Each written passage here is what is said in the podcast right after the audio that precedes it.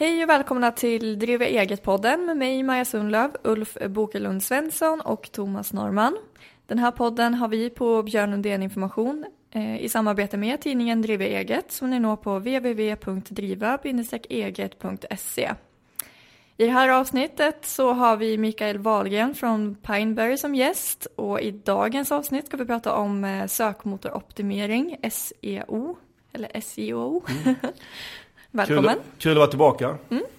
Uh, ja, Pineberry. Mm. Vill du berätta en liten recap om, om företaget och hur ni jobbar? Ja, precis. Den långa versionen kan man ju få om man, om man lyssnar på vårt förra avsnitt precis. som handlade om AdWords. Men lite kort så hjälper vi ju företag att synas på Google. Dels genom AdWords, att, an, att annonsera när någon googlar. Och dels genom SEO, eh, som vi ska prata om idag. Mm, precis. Så SEO, vad mm. är det? Alltså hela, om man, om man, om man då börjar vara är en sökmotor, hela en sökmotors poäng är att du har en fråga på något sätt och så vill du få fram ett relevant svar. Och det är där sökmotorn gör sitt jobb. Och rent som en sökmotor fungerar så har de, det kallas spindlar, det är ju inte spindlar på riktigt, men som är ute och besöker alla mm. världens sidor. Ehm, och så hämtar den hem informationen till sitt, till sitt bo, till sina mm. servrar. Och sen när någon googlar så har de väldigt avancerade algoritmer som räknar ut vad är de mest relevanta sidorna att visa. Mm. Och när man jobbar med SEO så handlar det om att säkerställa att, att man kan berätta för Google att man är relevant för de sökorden som, som är, är viktiga för en. Mm. Så att när någon googlar på dem, så när algoritmerna körs, så är det just din sida som visas högt upp förhoppningsvis. Mm. Ja, ni jobbar som sagt mm. med SEO och AdWords. Mm. Och eh, vad gör er så bra som konsulter jämfört med andra? För det finns ju många andra företag såklart som jobbar med samma sak. Vad gör er så bra? Eh, alltså, det, det som vi, jag, jag, jag, vill inte recensera hur andra gör, men, men vi, vi rekryterar folk som verkligen brinner för det här. Som verkligen tycker att det här är det roligaste som finns, som är specialister på, mm. på SEO. Eh, så att det skulle jag vilja säga att det är vår styrka. Att eh, det, det, det är det vi tänker på dag och natt, där det är SEO. Mm. Eh, så att det är väl det man får om man kommer till oss, att man får någon som, som Förutom att de är väldigt duktiga på det så tycker de det är väldigt kul och då oftast hänger det ihop att, att, att det är då man kan göra bäst resultat. Mm. Ibland så, sen finns det såklart fördelar med andra lösningar för ibland Ibland andra typer av byråer, byråer jobbar lite bredare. Alltså man har mer generalister. Mm. Och det finns ju fördelar med det också. Men det som kanske skiljer oss då är att vi, vi försöker vara bäst på det vi gör. Mm. Och så gör vi inte lika många saker. Nej, just det. Jag förstår. Så om eh, vi tar samma fråga som i föregående mm. avsnitt. Mm. Jag är relativt nystartad och mm. vill optimera min hemsida. Mm. Hur går jag tillväga då? Ja, alltså när vi pratade om AdWords i förra avsnittet. Många saker när det gäller AdWords SEO funkar helt tvärtom. Eh, eller inte tvärtom nödvändigtvis, men det funkar annorlunda. Mm. Så man kan nästan kasta ut en stor del av kunskapen från AdWords när man ska göra SEO. Men det finns vissa saker som är samma. Och det, man börjar med som är lika viktigt i båda två det är att man måste sätta ett mål. Alltså att om man inte har ett mål med vad det här ska leda till så kommer man aldrig kunna få det bra. Mm. Och oftast är målet samma sak. Att det kan ju vara att det ska leda till försäljning eller att man ska få in kunder eller att folk ska anmäla sig till något nyhetsbrev eller vad det kan vara. Mm. Sen nästa steg är faktiskt också samma när det gäller AdWords SEO. Och det är ju det att man ska ta reda på vad ens kunder googlar på. Alltså vilka sökord ska jag optimera min sajt för. Mm. Och har man då gjort AdWords först, eller man har jobbat med AdWords redan, så, så finns det en fördel här. För då har du oftast fått svar på vilka sökord som är lönsamma. Och det är en enorm... Eh, eh, det, om man har den möjligheten så tycker jag att man ska göra så att man, man använder AdWords för att ta reda på vilka sökord som är bra. För alternativet när man jobbar med SEO är att man försöker själv lista ut det på förhand. Och det kan ju gå bra ibland men, men, men utmaningen här är att SEO är ganska, tar ganska lång tid. Mm. Som du då, eh, det kan, vi brukar säga att om du börjar från noll så att säga så får du kanske räkna i alla fall ett, ett år innan du kan bedöma vad, vad du har totalt sett ger. Så om du då märker efter ett år att du, du rankar bra på de sökorden du har valt. Men så inser du att du har valt fel sökord. Så det är så väldigt viktigt att välja rätt sökord. Så om man har möjlighet att, att använda AdWords för att ta reda på vilka sökord som fungerar så är det oftast den bästa lösningen. Mm. Men det är inte alltid det man, man har den möjligheten. Man kan inte ha budget och lägga på annonsering. Och då, då- får man istället fundera på vilka sökord är det som mina, jag tror mina kunder använder. Och, och det, en kontrollfråga kan ju vara liksom att hur många som googlar på här sökningen är verkligen ute efter det jag, Mm. det jag söker. Och sen kan man också använda, det finns ett verktyg som heter sökordsplaneraren. Som är en del av AdWords. Mhm. Och numera måste man annonsera på AdWords för att kunna använda den och få riktigt bra data. Okej. Men då, om man inte själv annonserar så kanske man har en kompis som gör det. Mm. Som, man, som man kan använda sig av. Och där kan man få reda på hur många som googlar på, på, på, på olika sökord. För att det räcker ju inte, alltså man vill ju också att det ska vara sökord som många googlar på. Ja, precis. Så det är ju ett sätt att kontrollera det. Att, att ja, men det här verkar vara ett rimligt sökord för mig. Eh, Och där är det ofta ganska vanligt att man kanske har en egen uppfattning eh, om vad, eh, vad ens, man ska kalla sin produkt eller tjänst Mm. som inte riktigt stämmer Mm. överens med verkligheten eller vad folk googlar efter. Just det. Jag har ett, eh, ett, ett, ett, ett exempel jag brukar ta som från min pappa. Han, eh, han är egen företagare och eh, hyr ut tält och möbler i Göteborg. Och han hade alltid kallat sin, sin produkt så att säga för festtält. Men när vi skulle börja jobba med honom på Google så, så var det väldigt tydligt att det är inte så folk googlar. Utan folk googlar efter partytält. Mm. Och det är ungefär hundra gånger fler som googlar på partytält istället för festtält. Och då fick vi ju liksom ändra, att börja kalla hans huvudprodukt för det istället. Just det. För, för annars kommer vi inte vara, kunna synas på den sökorden. På, på, på, på just de relevanta sökorden för honom. Ehm, så det gäller att göra sin analys där och ta reda på vad, vad man vill synas på. Mm. Men då blir man ju väldigt kundstyrd. Ja, Alltså, vill man kalla sin produkt för en viss sak så vill man ju ofta det. Är du med hur jag menar? ja, precis. men så måste man ändra bara för att konsumenterna tycker och tänker så. För att man ska ha en möjlighet att synas på Google. Ja men så är det alltså, men så är det väl med allt. Man, alltså visst kan man ju bara köra sitt eget race och strunta i Ja. vad kunder tycker men det brukar ju oftast inte vara en bra grej. Nej. Sen kan man såklart lägga väldigt mycket pengar på att ändra vad en, ens kunder kallar saker och Mm, ting. Men det är ju oftast väldigt svårt och väldigt kostsamt. Och, Ja. ehm, det är mycket betydligt enklare att utgå från vad, när folk googlar efter något, alltså det finns ju oftast en efterfrågan på en produkt eller tjänst redan. Mm. Och om man väljer att kalla sina produkter nå- någonting helt annorlunda Mm. så gör man det bara svårt för sig. I, och det handlar ju inte bara om Google, det handlar även om att ska förklara produkten sen. Precis. Att det- då kommer folk inte riktigt förstå vad det är man, man erbjuder. Mm. Sen skulle sen nästa steg när man väl har, okej nu har jag hittat mina sökord, nu vet jag vad det ska synas på. Då är nästa grej att berätta för Google på ett tydligt sätt att en sajt handlar om det.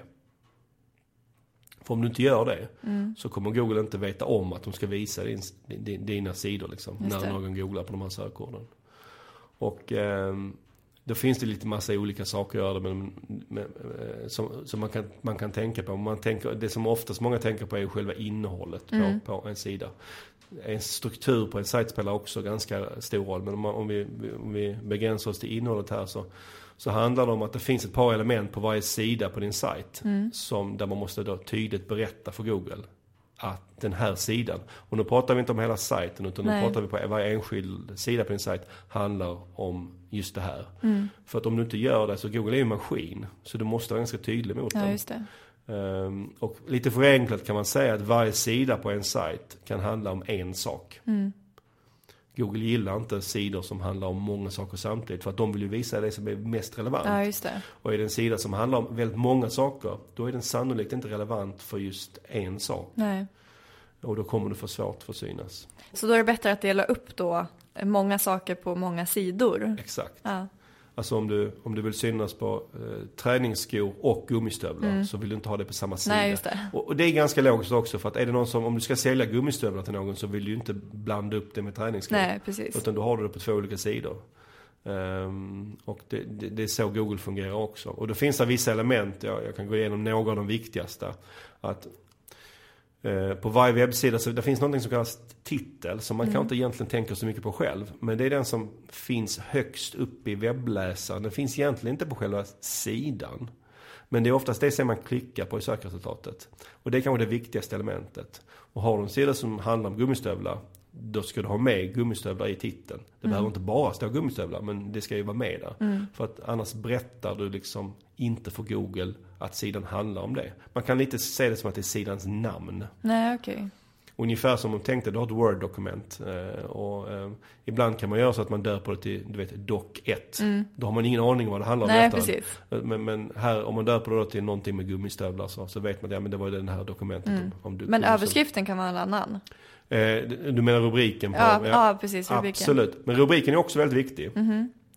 Och där bör du också, om sidan ska handla om gummistövlar, bör du också nämna gummistövlar. Men återigen, inte bara gummistövlar utan Nej. du kan ha massa andra ord också. Och den behöver, eh, men det är såklart, och det är inte så konstigt heller. Om du kommer in, om man bortser från Google då. Om du får in trafik, om du får in en besökare på en sida som handlar om gummistövlar. Då borde ju rimligtvis den, stor, den, den största rubriken också nämna det. För annars kommer användaren inte känna att de kanske hittat rätt. Nej, om det. står någonting helt annat. Till exempel en vanlig grej kan vara att man i sin största rubrik på alla sidor har företagets namn. Mm. Men det känns lite, ja men det är inte det jag är ute efter utan Nej. jag är ute efter gummistövlar just nu. Eh, och sen det kanske mest, eh, eh, där det är mest missförstånd, det gäller själva brödtexten på sidan, alltså Mm. huvudparten av texten, det som inte är rubriker. För där har det tidigare, när man jobbade med SEO tidigare så var det att man skulle ha med sökordet ett visst antal gånger och Ja. gärna överdrivet mycket, men så är det ju inte. Utan där min enkla tumregel är där att om du skriver en text om din produkt eller tjänst och du har bestämt dig för att den här sidan ska synas på just det här sökordet. Se Mm. till att efter du skriver texten, att sökordet är med en gång i alla fall i texten. Ja, det behövs inget mer Nej, alltså. För min Mm. följdfråga var faktiskt där att hur ska man kunna gömma sin sökmotor, alltså sina du behöver sökord? inte gömma den. Du behöver inte gömma den. Ah, okej. Utan det är snarare tvärtom att om, du, alltså, om det är någonting som kan hända idag är att du använder det för mycket. Och det Mm. Exakt. kan bli negativt för dig. Men, men det enda sättet du kan använda det för lite, det är om du inte nämner det alls. Och återigen den här logiken att om du inte nämner det i din, i din, i din text, Ja. då när Google ska bedöma vad sidan handlar om, då handlar den inte om det för du har ju inte nämnt det. Nej.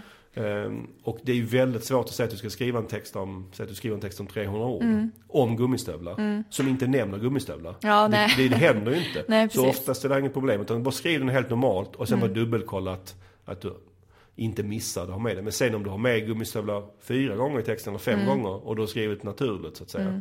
Så är det, det är inget problem. Nähä, ja, okej, intressant. För jag, jag har ju gått in på eh, sidor och, och verkligen tänkt att, säg att jag googlar på en möbelaffär Ja, för att jag ska köpa en soffa.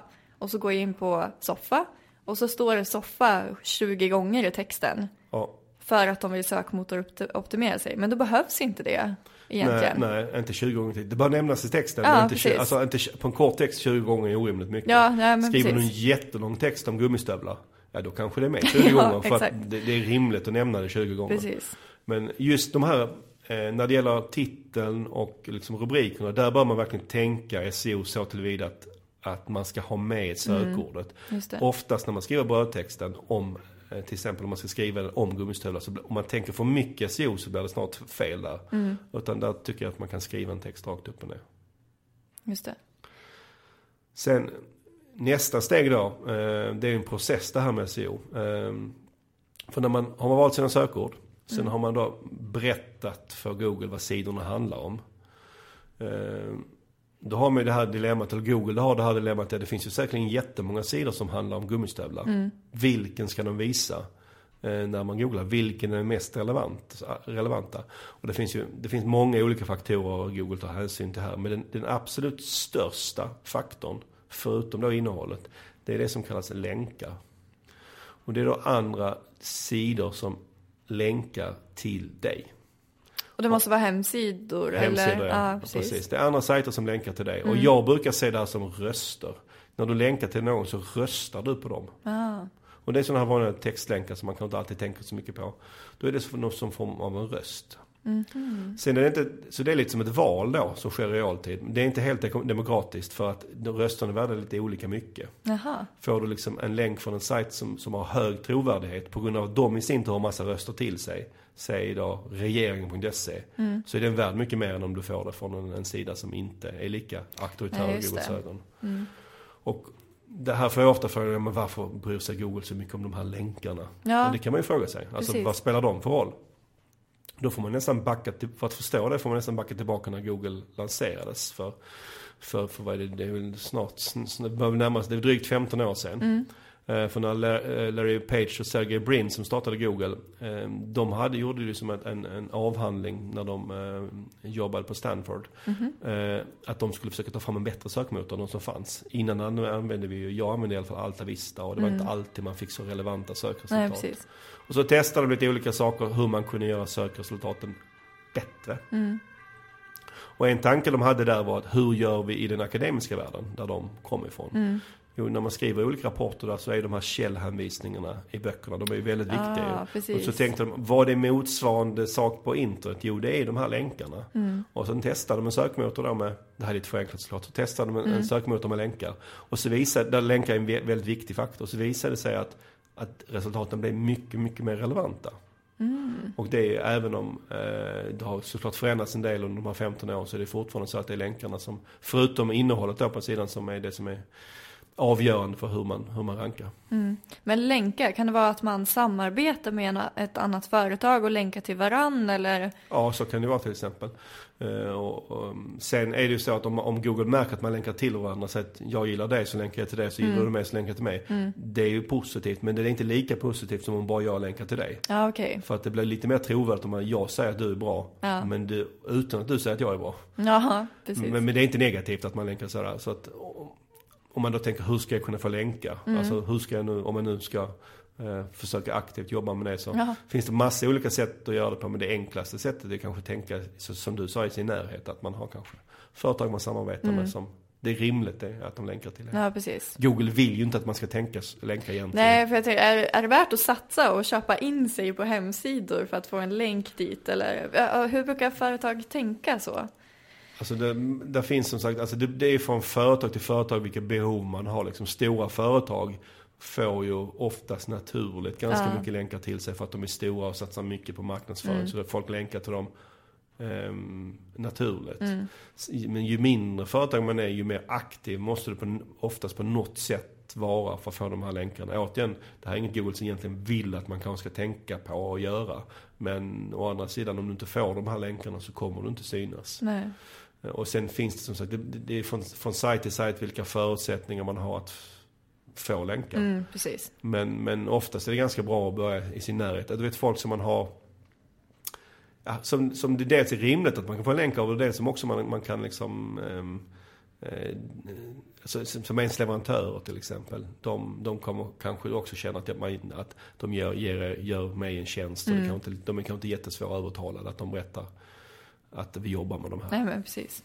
Ehm, så, och det är liksom, det, är, det tar ganska lång tid att, alltså om du, om du lanserar en helt ny sajt så har du liksom ingen länkar dag ett. Nej, exakt. Jag tycker inte man behöver panika över det för, för men, men över tiden så, så kommer det komma länkar. Men Mm. om du tänker på det aktivt så kan du få mycket mer länkar än om du Mm. inte alls tänker på det. Det är inte det man ska ha fokus på, det är ju själva sökoptimeringen istället. Nej, jag, jag tycker du ska ha fokus på det. Ah, okej. men, men, och, eh, men du behöver liksom, du måste se det långsiktigt. För du kommer inte få jättemycket länkar snabbt. Mm. Nej, liksom, nej, nej. Utan, Eh. Du, kommer, du behöver få jobba med det hela tiden. Men till ex- en vanlig sån grej till exempel att du har kanske en partner som skriver om det idag. Mm. Men de länkar inte. Nej, nej.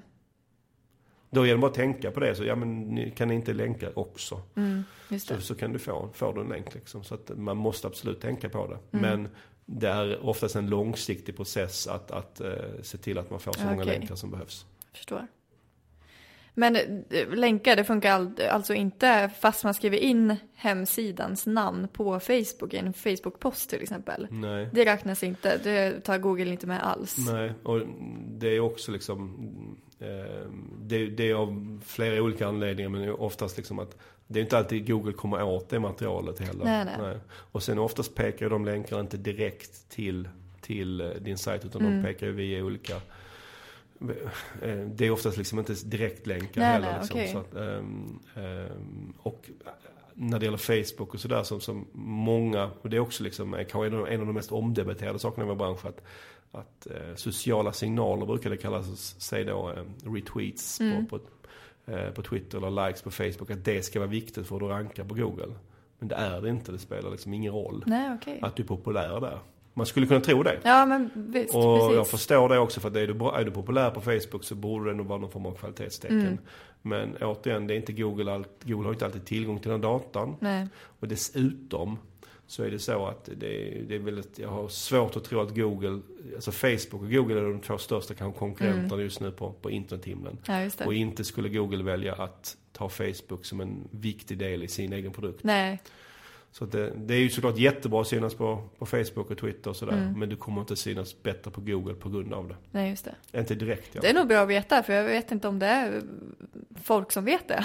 Nej, men så, så, det är många som tror att det spelar roll. Sen Ja, finns det ju. Mm. indirekt, indirekta effekter. Till exempel om du har en, eh, om du har en blogg på din sajt. Mm.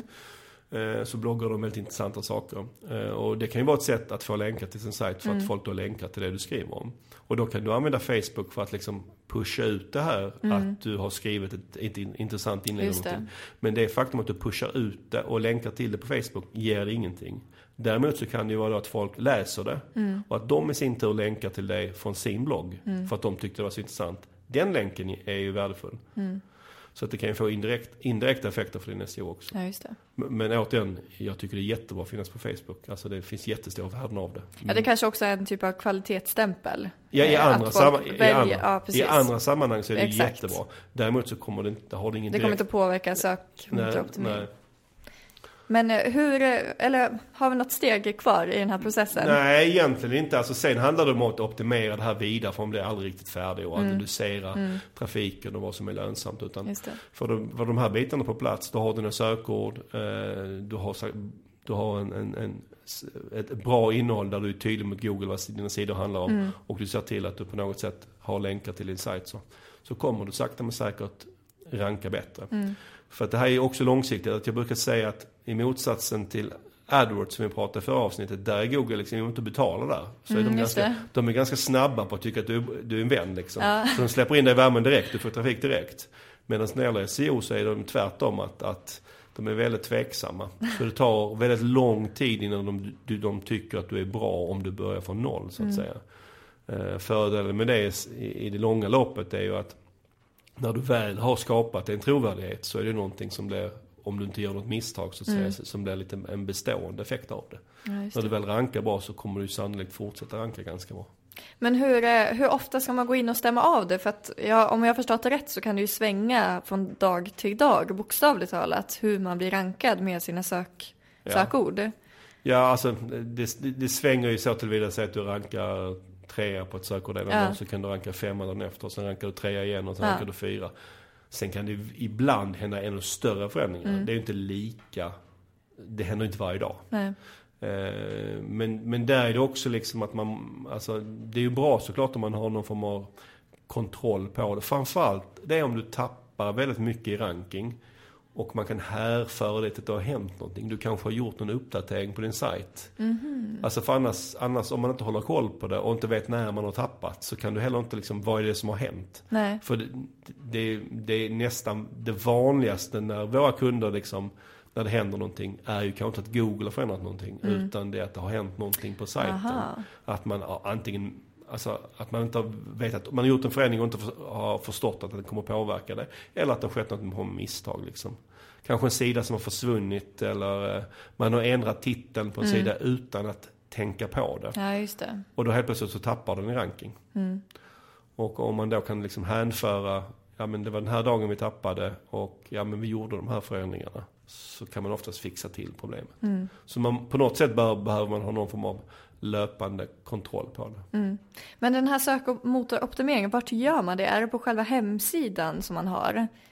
Eller alltså, är de- det olika? Mm. delar, delar av jobbet gör man ju det. Alltså det här med att, att, när man, som vi pratar om länkar, det gör man inte på sin egen sajt utan Nej. det är andra sajter som länkar till dig. Och det kan du inte direkt påverka så att du, du kan ju inte gå in på deras sajt och lägga in en länk. Nej, precis. Men eh, en stor del av arbetet gör du på din egen sajt när du ska liksom anpassa ditt innehåll. Mm. Eh, och var du gör det beror lite på vad du har för typ av teknik på din sajt. Mm. Alltså, så, men i de flesta moderna sajter så har eh, de ett, ett, ett system för att man enkelt ska kunna justera sitt innehåll där man också kan justera alla de sakerna som, Mm. som behövs på ett relativt enkelt sätt. Men det är där man gör det. Man, alltså, om man inte använder AdWords, Mm. där man ställer in sökord också. Ja. Då är du på hemsidan. Ja, om du ska uppdatera din titel Ja, och precis. fixa din rubrik eller din, brödtext. Så det är där själva sökorden ställs in. Det är inte något separat verktyg Nej. där man ställer in att de här sökorden vill jag Nej. ska synas extra Nej, mycket. nej. nej. nej. Utan för här är det så att Google besöker din sajt och sen är det de själva som bedömer Mm. vad din sajt handlar om.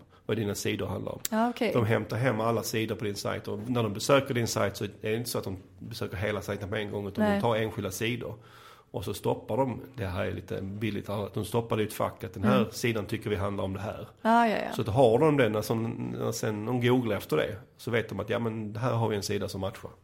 Ja, okej. Så genom att ändra ditt innehåll på en sida så kommer du också ändra vad Google tycker att den handlar om. Mm.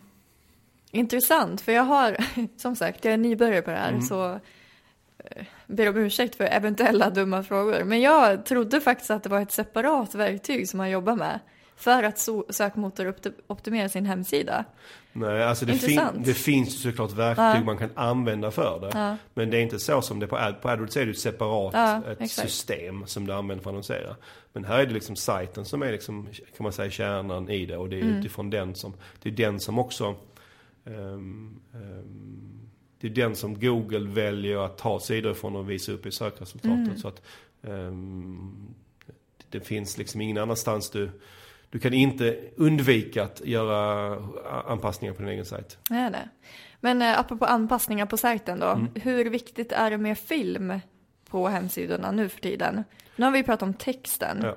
men hur mycket påverkar filmen sökmotor, eller filmer på hemsidan sökmotoroptimeringen? Eller har det bara med konvertering att göra? Alltså jag skulle påverka, säga att det påverkar väldigt, väldigt lite hur du rankar. Alltså till och med så att man skulle kunna det nästan inte påverkar alls. Alltså det, fin- det, det, där, viss, alltså det, det är ingen som vet exakt hur de här algoritmerna fungerar. Det är inte ens Google som, det är ingen på Google som vet exakt. För det är Nej. extremt komplext. Nej, det. Så det kan vara så att, att det är vissa som tror och tycker att man kan se en viss förbättring om man lägger in en film. Men det är liksom ingenting som är avgörande. Mm. Nej. Alltså om du rankar dåligt och sen börjar lägga in filmer överallt så kommer du inte ranka mycket bättre. Nej, okej. Så det är på marginalen det kan spela någon roll. Mm. Och den stora anledningen till det att Google kan inte läsa av filmen. Nej, De vet ju inte vad filmen handlar om. Nej, det är det. därför text är så viktigt för Google, alltså som algoritmerna funkar idag, så kan de ju förstå texten. De läser Mm. av texten och förstår vad sidan handlar om. Men lägger du in en film så förstår inte Google på samma sätt vad den handlar om. nej. Och det, det kan man själv. Sen försöker de ju göra det såklart. Framförallt för Google äger, ju även YouTube och skulle de kunna förstå exakt vad alla filmer det handlar om så skulle de ju kunna ge, göra sin produkt Ja, mycket just det, bättre. och det, det, är ju, det är ju någonting de jobbar på att bli bättre på att förstå Mm. såklart. Men det är ju mycket svårare än att förstå texten. Mm. Då är det bara, har det bara med själva utseendet på hemsidan Ja. och informations, Ja, och- informationsflöde för Precis. konsumenten då antar Ja, jag. och det kan ju, ja, eh, det kan ju hjälpa i konverteringen om man har en film. Det, jag tror inte det är garanterat att det gör det, Mm. Men det, kan, det är ju någonting man kan testa såklart. Det är ju inte skadligt att ha en film heller. Nej, så nej. det är inte så. Men, men alltså, du kan inte ersätta texten med film. Nej, Än så länge i alla fall. precis. Men konvertering, nu Mm. drog vi till med ett eh, ord som eh, man kanske inte vet vad det är. Vad Mm. är konvertering? Ja, som jag nämnde tidigare så är det så extremt viktigt att sätta de här målen. Eh, och när ett mål uppfylls, det är då man brukar snacka om konvertering. Att om jag vill att någon ska skicka in en offertförfrågan, det är mitt mål. Men om någon gör det, då har jag lyckats med en konvertering. Och i den processen så skulle en film kunna hjälpa till att om jag har en film på sidan så kanske det är fler som väljer att konvertera och uppfylla ens mål. Just det. Eh, om du skulle skriva ett blogginlägg om den här podden, vad skulle du optimera då? Du menar det här avsnittet? Ja, eller? precis. Ja. Exakt. Eh, alltså om man tänker så här. Det, det första man skulle kunna tänka sig, den första tanken, där vi pratar om SEO eller sökmotoroptimering som man kallar på svenska. Det är att vi optimerar för det.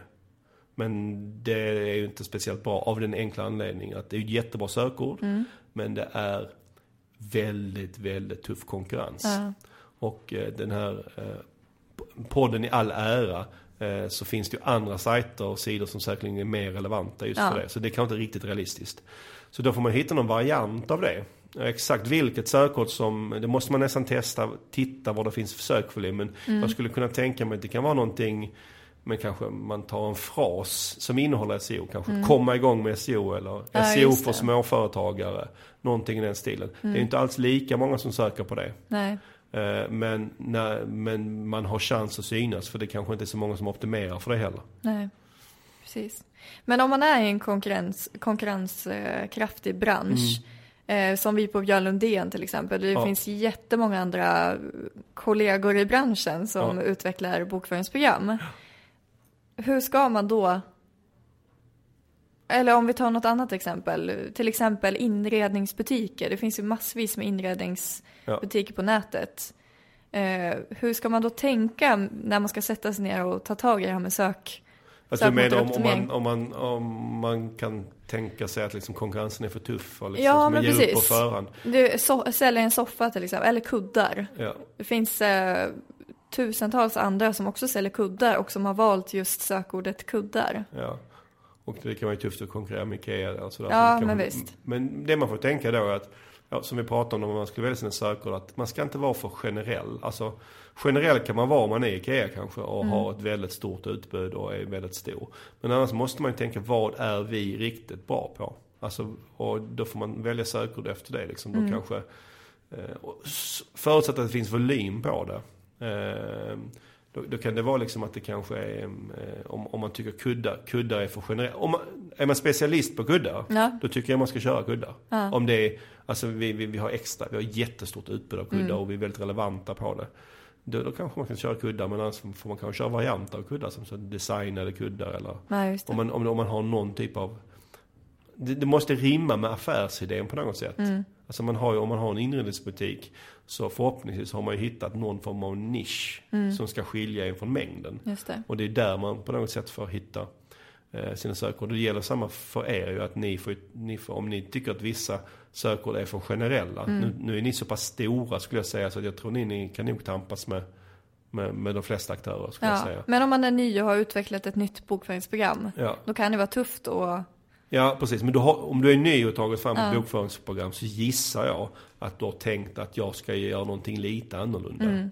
Och då kan det vara att det ska vara onlinebaserat och Mm. Ja, kanske du lägger till, då kanske sökordet inte är bokföringsprogram utan bokföringsprogram på nätet. Mm. Eller det kanske är ett, eh, ett, du har någon annan twist på ditt program som, som gör att det kanske är appbaserat. Eller, Mm. Ja, alltså det. någonting. Och då får du kanske hitta någon, något sökord kring det. Mm.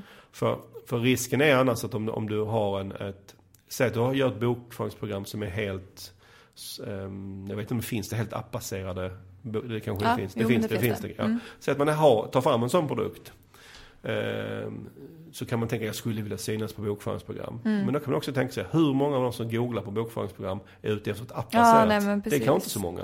Så det kan inte ens ett bra sökord. Även om alltså man bortser från att konkurrensen är hög så är det kanske inte ens ett bra sökord. Nej.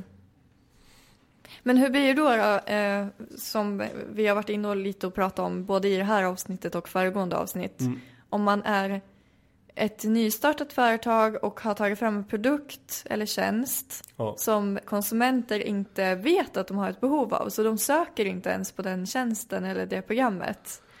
Då är ju Det sannolikt... känns ju omöjligt då. Ja, men då är ju Google kanske inte där man ska börja. Så Nej. jag brukar säga att Google är det, det, är, det är det bästa stället att börja marknadsföra sig för de absolut flesta företag. Mm. Undantaget är just det du tog upp. Att om man, om man tar fram en produkt eller tjänst som är helt ny, där det Mm. finns ingen efterfrågan på den alls. Då kommer folk inte googla på det. Nej. Och då måste du, för att folk ska börja googla på det, måste du köra en stor tv-kampanj för att starta ett sånt Ja, beteende. det.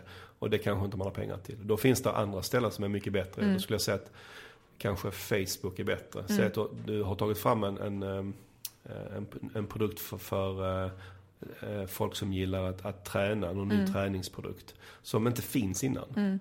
Så, så kan du ju hitta folk som gillar träning på Facebook. Mm. Som sannolikt borde vara intresserade av det här. De vet inte om att det finns, men de borde vara intresserade Ja, av det. det. Och då är det kanske bättre att börja där. Innan, men sen efter ett tag om du lyckas med din produkt. Då kommer ju, vad heter det, googlingarna komma sakta men säkert. Men det är kanske inte där man börjar i det fallet. Nej, just det.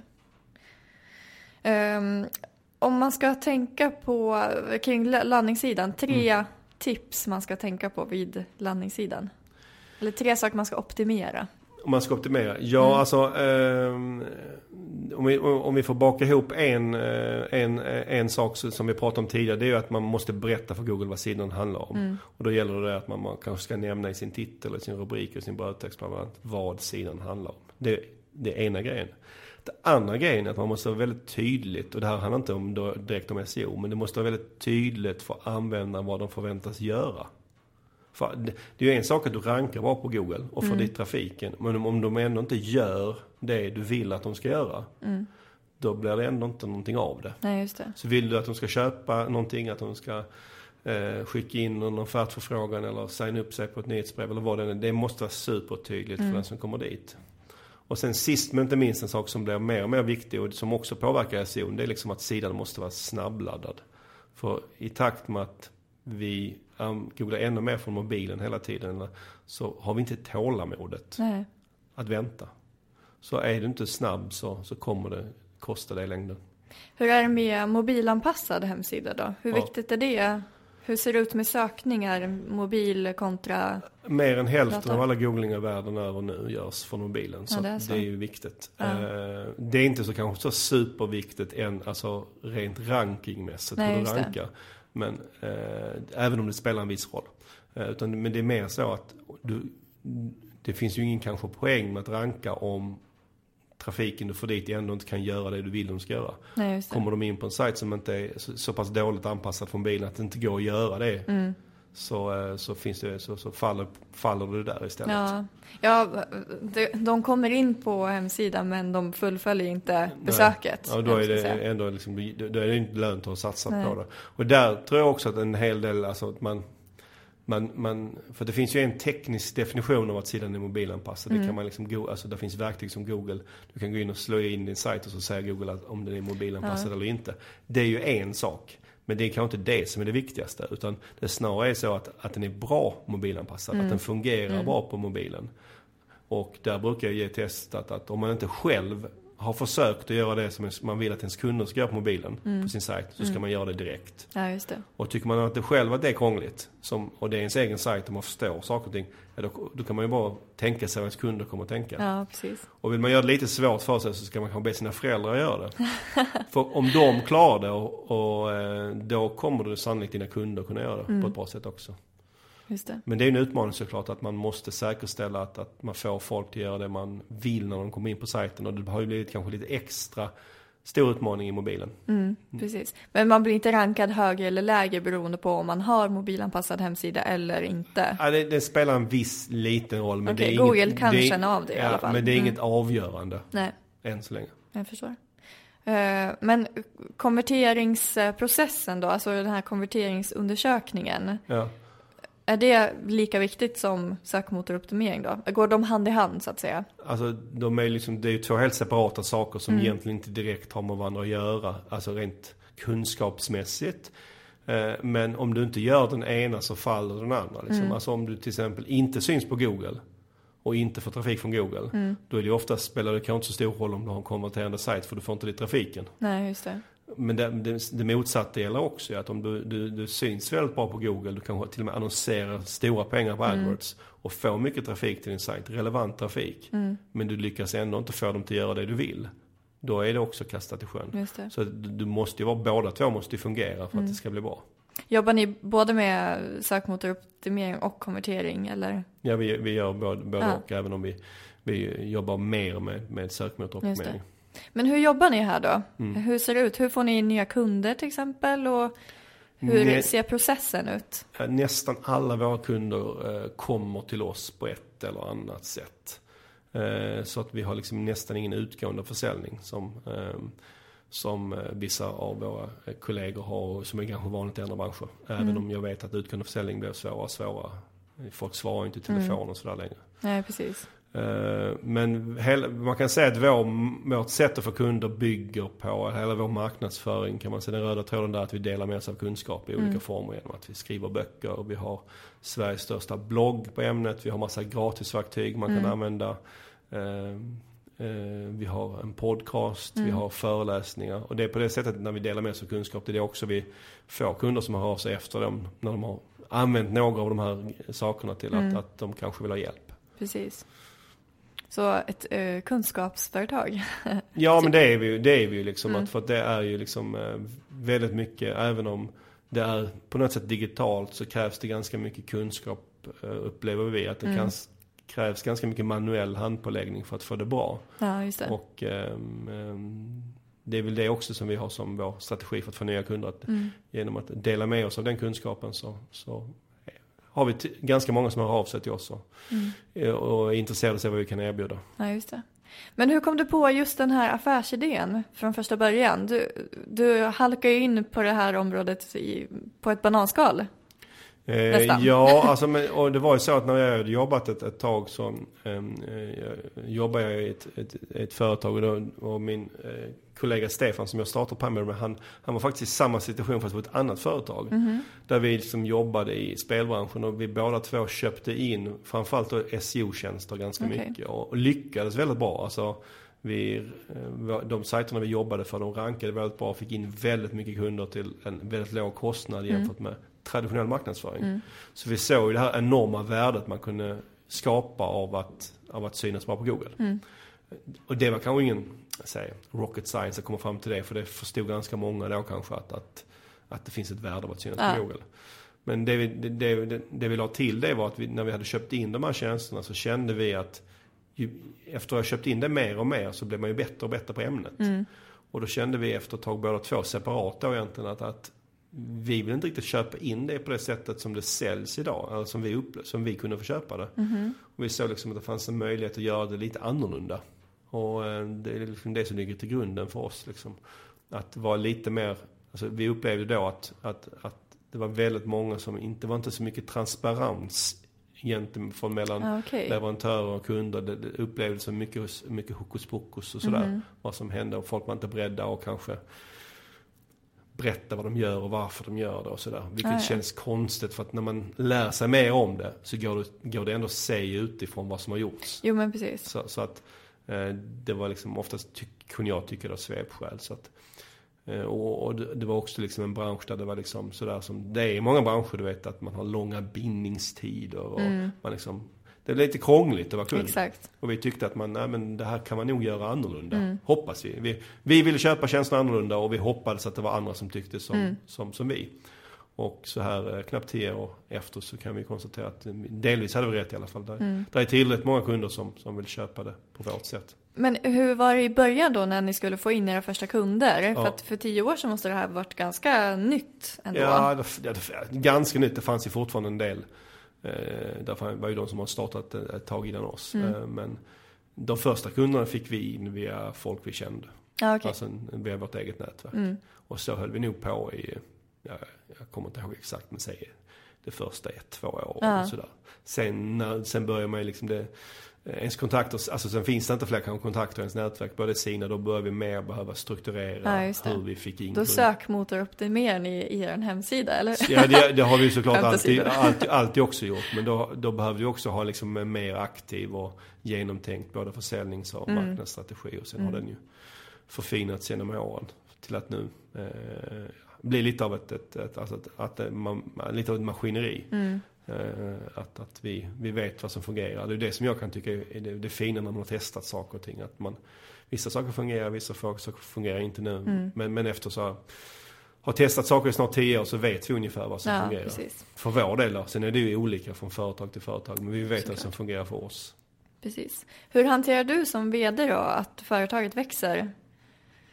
Ja, det är en bra fråga. Och nu är jag faktiskt inte VD längre. Eh, Jag slutade. Jag var VD i nio år fram tills i höstas. Jaha, Då, eh, så jag, eh, då, en, en kollega som heter Christian som tog över som har varit med i, nästan sen start, varit med i Okej. sju år hos oss. Och ehm, ehm, anledningen till att jag, vi, vi gjorde ett byte, att vi gjorde ett byte där på VD-stolen var att jag eh, jag, jag jobbar, har alltid jobbat ganska mycket med vår egen marknadsföring, varit Mm. ute och föreläst och så, och tiden räckte inte till. Så jag Nej, tror för bolagets bästa så, så är det bättre att vi har någon som fokuserar på att marknadsföra oss och någon som det. fokuserar- på att vara VD. Men den, ut, den, den utmaning som vi har, oavsett om det är jag eller Christian som är VD, är ju att eh, man kommer ju få växtverk när man växer. Alltså Mm. det går inte att komma ifrån. nej precis. Det går inte att komma ifrån.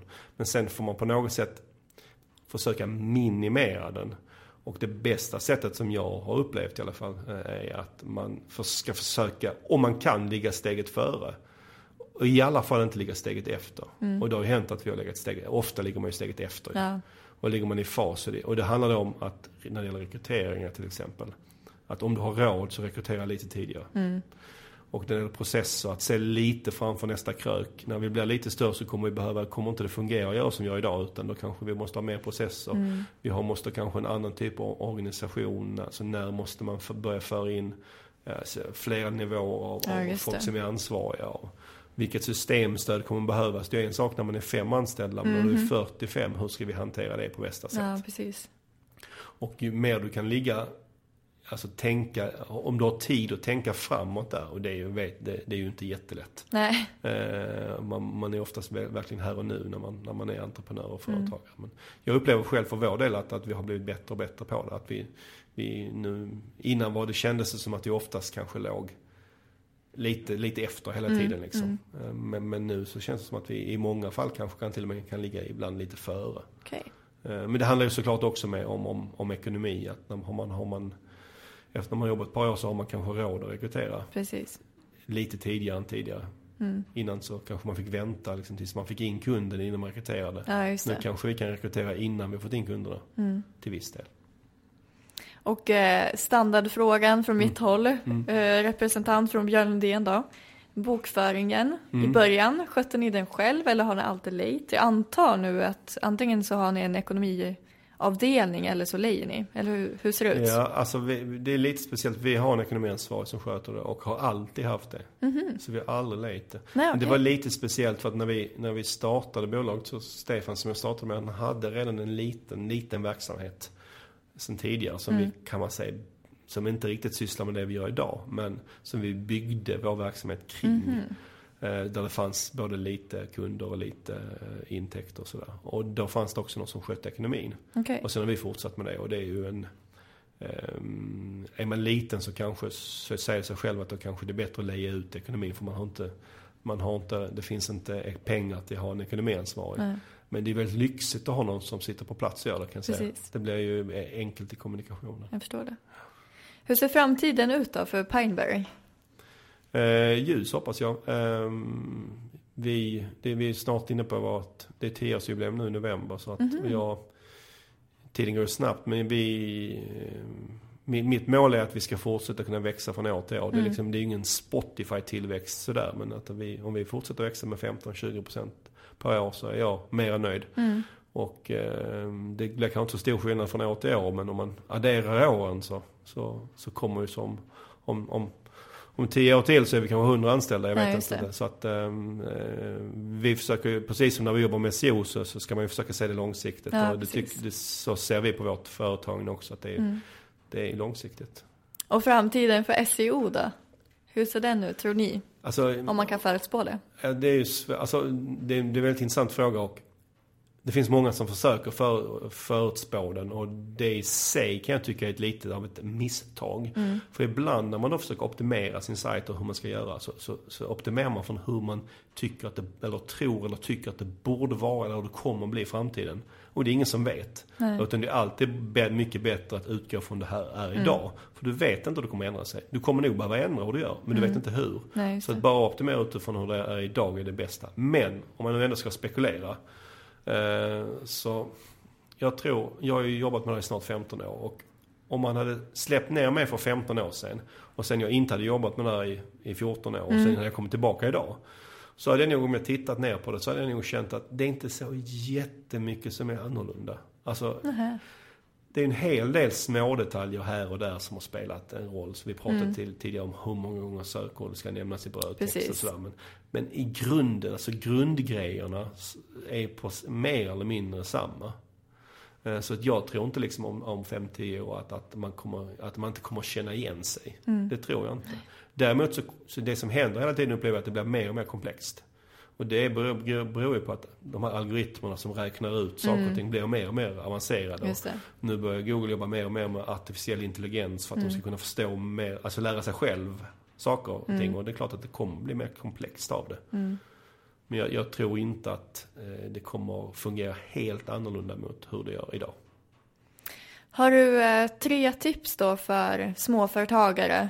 Eh, tre liksom genuina tips. Ska man sätta sig in i det här själv och försöka sig på det? Eller ska man ta hjälp av en konsult vid uppstarten till exempel och sen ta över bitar själv? Eller Mm. hur, vad skulle du rekommendera en, en entreprenör, säg en till tre anställda, Ja. ett mindre företag så? Om, om, man, om man säger så här att eh, det går såklart att göra det här själv. Eh, men då måste man ju inhämta, ungefär som man kan göra bokföring själv. Mm.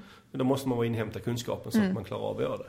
Och det är inte fel att göra det. Eh, det kan bli väldigt bra. Det förutsätter ju oftast, för att det ska bli bra så upplever jag oftast att man måste ha intresse av att göra det. Att man tycker det är kul. Och då tycker man det är kul. Vi har ju många, alltså det är många, både våra kunder och, och företag jag vet liksom, som, som kom, har kommit till insikten hur viktigt Google är för dem och därför kanske vill göra det själv. För att de, de inser att det är liksom nästan minst lika viktigt som deras kärnverksamhet. Eh, Så det, det kan man absolut göra. Men om, alltså, sen är det ju väldigt många som känner att nej, jag vill fokusera på min kärnverksamhet och då är det såklart bättre att ta in hjälp Ja. på, på ett eller annat sätt. Och om jag ska svara på din fråga där, när, om, man ska, om, man, om man ska ta in hjälp någon gång så är det nog i början. Mm. För att det, om man sätter grunderna rätt så är det lättare sen att fortsätta med det. Men Mm. om man sätter grunderna fel så är det väl, då blir det en väldig Ja, uppförsbacke. Så det, medan många tänker oftast tvärtom. Att jag försöker läsa på lite Mm. och så testar jag lite själv och sen om det inte funkar, då tar jag hjälp. Mm. Och jag kan förstå varför man tänker så. Det, det, det kan kanske då kortsiktigt vara mer ekonomiskt. Mm. Men om det är någon gång man ska ta en hjälp så är det oftast i början. Ja. Och tre allmänna tips då. Du är ju själv entreprenör och startade upp det här företaget som eh, ju är en framgång förstås. Mm. Eh, så eh, tre tips som du kanske hade velat haft när du var i uppstarten eller när du funderade på att starta företag. Något liksom pepp, eh, Ja, peppande tre råd. Ja, men jag tror jag ska säga, jag ska säga det här, det är en bra fråga. Ja. Men Ett tips tror jag är att, att sätta upp egna mål för sig själv. För att jag upplever, nu har vi inte riktigt hamnat där för det har gått ganska bra för oss. Men att jag själv haft egna mål om vad jag vill att företaget ska vara för att jag ska känna att det går bra eller inte. För annars tror jag det är lätt att man hamnar i en situation att man, bara, alltså man, bara, man sliter och sliter och så går det ändå inte så bra. Och så. Att man gör någon form av avstämningspunkt att om det inte har gått bra tills hit så kanske jag måste ändra på det. Och det tycker jag gäller både företagandet i stort och även om du skulle jobba med SEO. Att man måste liksom utvärdera hur har det här gått? Ska jag Ja, fortsätta det. med det? Och hur kan jag ändra det? Det, det, skulle, jag, det skulle jag säga är kanske den viktigaste grejen i, i företagande. Ehm, sen eh, andra tips, andra saker som jag Alltså man har lärt sig så enormt mycket. eh, Men det är kanske det som vi var inne på tidigare. Att försöka vara steget, alltså tänka lite mer framåt. Och inte, men det är, så, det är så svårt liksom när man Ja, ska försöka få intäkterna och möta kostnaderna. Men man kan ligga lite, lite, lite steget före. Eh, så tror jag man, man har en hel del att satsa på liksom. Och sen eh, eh, ett tips som jag ger alla som, alla som jag vet ska starta företag, det är att hålla, hålla koll på ekonomin. Mm. För att håller du inte koll på ekonomin så, då, alltså det blir sån, alltså jag, i alla fall jag mår så dåligt av det. Och Du vet, man sover dåligt Ja. och se till, och det handlar om det, det handlar ju då inte bara om att bokföring ska vara under kontroll utan det är hela vägen när du tänker ut din affärsmodell. Mm. Att du tänker ut en affärsmodell som gör att du inte kommer få liksom kassaflödesproblem och, Ja, och så det. vidare. För det är inte kul att driva ett företag som hela tiden går på knäna. Nej. Och vi, för vi, vi, vi satte faktiskt upp två mål när vi började med vårt företagande, jag och Stefan. Det var två saker som vi ville det skulle vara. Mm. Vi skulle tjäna pengar och det skulle vara roligt. Ja, Och, för det är inte all, om man drivit företag i tio år så det är inte alltid, inte varje dag det är roligt. Det är Nej. perioder där det inte är så roligt. nej precis. Men om man då ska kombinera det med att det inte alltså det går knapert om man inte tjänar några pengar. Det är inte en trevlig tillvaro. Nej. Så att genom att se till att man har en, en, en, en grund för att, alltså att det är stabilt ekonomiskt. Mm. Det betyder inte att man ska tjäna överdrivet mycket pengar, men att det är någorlunda stabilt. Det tror jag är en förutsättning för att man ska lyckas som företagare och att man ska tycka att det är kul och att, att man ska må bra. Ja, tack för tipsen. Ja, då tackar jag Mikael Wahlgren återigen från Pineberry för dina kunskaper. Tack själv! Tack. Eh, Och podden är som vanligt eh, klippt och redigerad av Linus Näslund och jingeln är gjord av Elias Fyr. Tack och hej.